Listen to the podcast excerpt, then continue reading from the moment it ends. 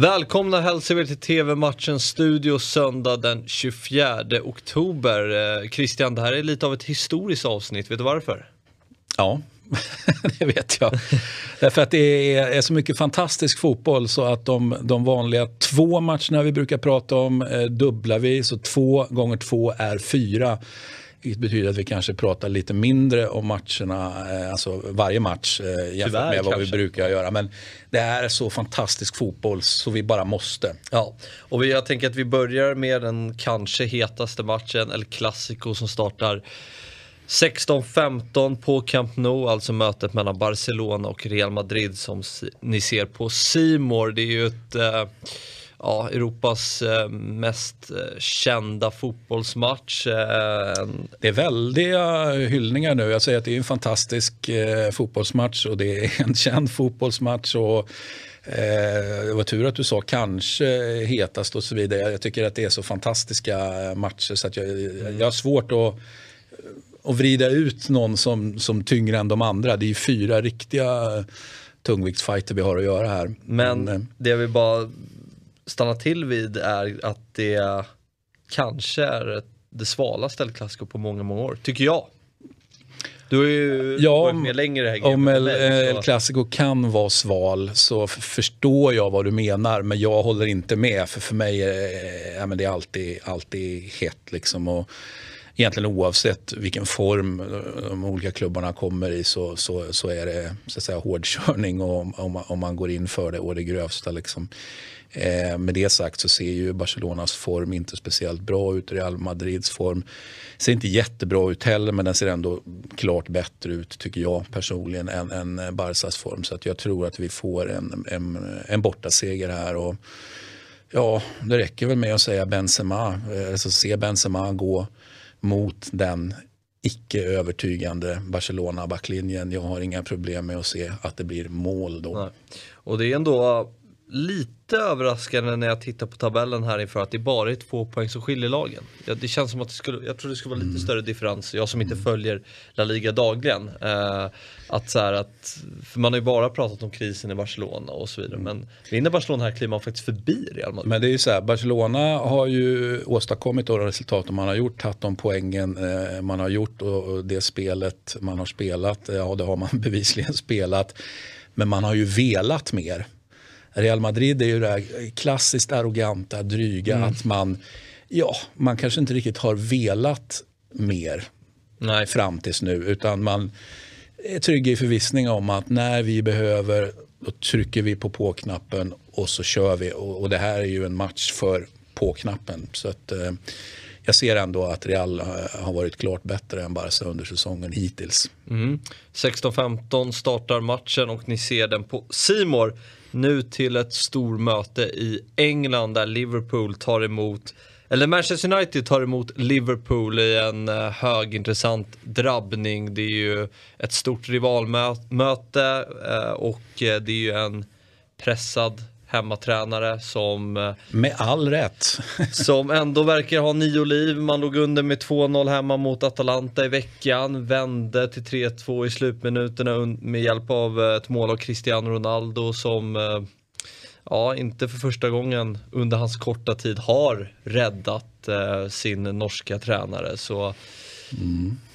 Vad, vad, vad, tror vi här? Blir det um, överkörning för Liverpool som visar vad skåpet ska stå eller kan United överraska här? Alltså formmässigt så är det ju det man skulle kunna förvänta sig eh, för att Liverpool är i jättefin form. United är inte i, i fin form överhuvudtaget. Eh, varenda gång man tror att ah, men nu, nu kommer de väl trycka på, på gaspedalen lite grann så gör ju inte United det.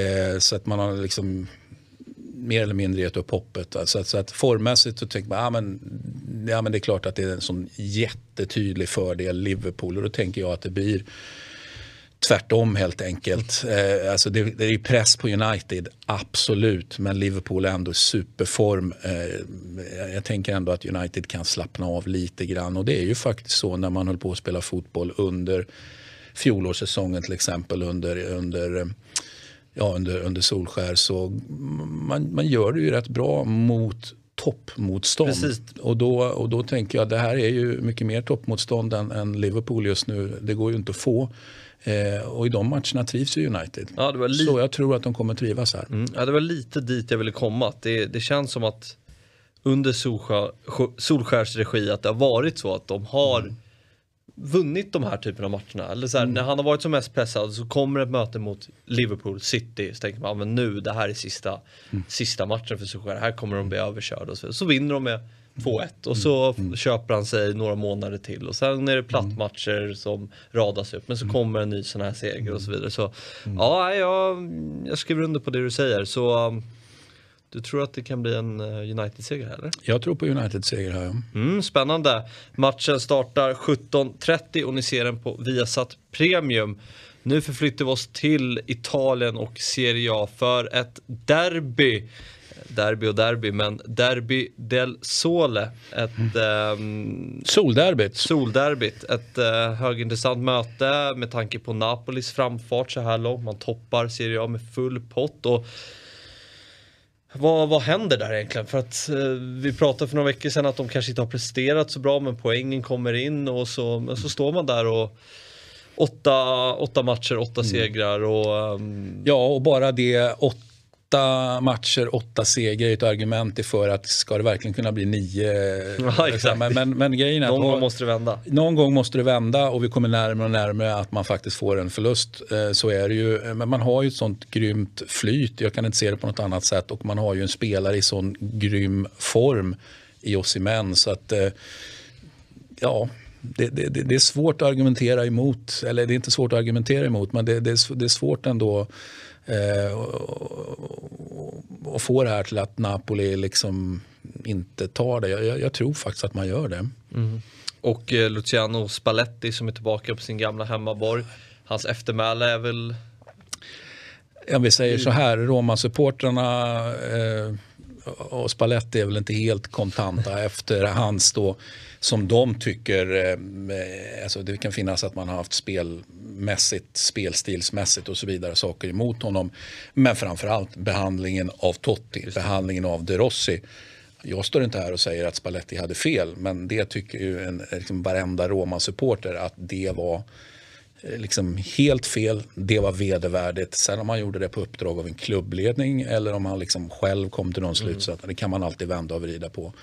Eh, I min värld så självklart så han tillsagd hur han skulle hantera eller att liksom, nu, nu, ska vi, nu ska vi göra så här med Totti, nu ska vi göra så här med. Men sen finns det ju alltid tolkningsutrymme när man håller på liksom att helt enkelt skifta ut gamla spelare och gamla hjältar i det här fallet.